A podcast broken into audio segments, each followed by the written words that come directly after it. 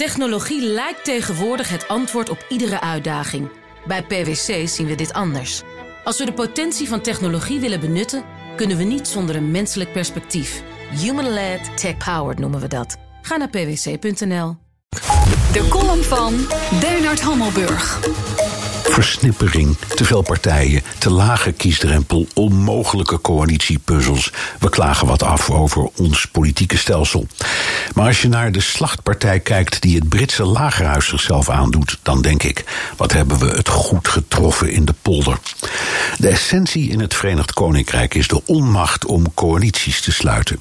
Het Engelse parlement bestaat sinds 1215 en het Britse sinds 1707. En al die eeuwen is het gedomineerd door twee partijen met nog wat klein gut in de marge. En die twee partijen zien elkaar als bittere vijanden. Wat Theresa May, de Tory-premier, nu probeert om de Brexit-deal te redden, is onderhandelen met Labour-leider Jeremy Corbyn. Je zou zeggen, als ze dat twee jaar geleden hadden gedaan, waren ze er al lang uit. Maar voor een Tory-leider is praten met Corbyn zoiets als het omarmen van Kim Jong-un.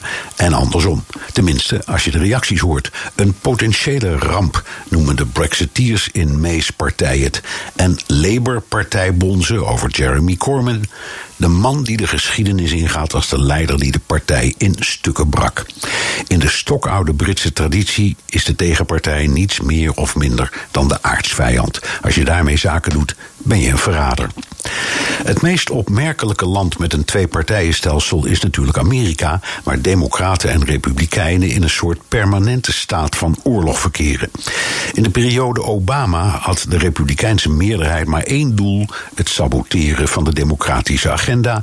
En in de periode Trump is het precies andersom.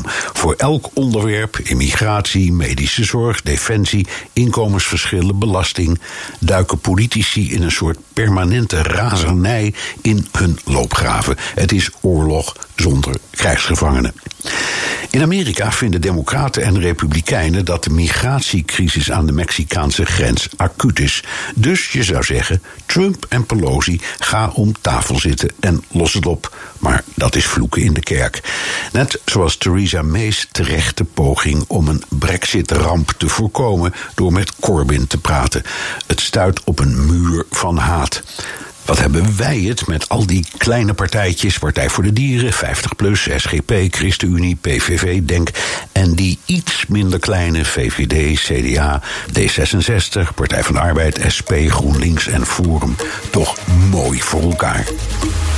En dat is Bernard Hammelburg, onze buitenlandcommentator. En Technologie lijkt tegenwoordig het antwoord op iedere uitdaging. Bij PwC zien we dit anders. Als we de potentie van technologie willen benutten, kunnen we niet zonder een menselijk perspectief. Human-led, tech-powered noemen we dat. Ga naar pwc.nl.